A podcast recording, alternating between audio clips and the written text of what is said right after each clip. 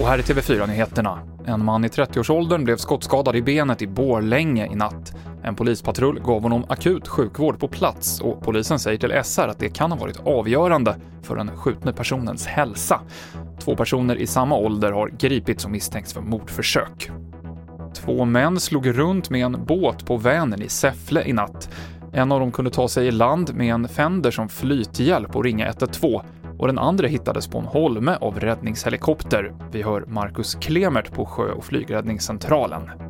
Flög in honom till eh, gården där det stod en väntande ambulans. Han var kraftigt nedkyld, har varit utomhus i stort sett hela natten och även befunnit sig i eh, vattnet en viss tid.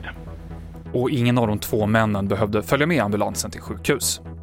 Och intrången på militära skyddsobjekt i Sverige har ökat de senaste åren. Det handlar både om personer som systematiskt kartlägger skyddsobjekt och människor som av misstag eller med flit passerar stoppskyltarna. Och Försvarsmakten varnar för att det kan vara livsfarligt om man råkar göra det under pågående övningar. TV4-nyheterna med Mikael Klintevall.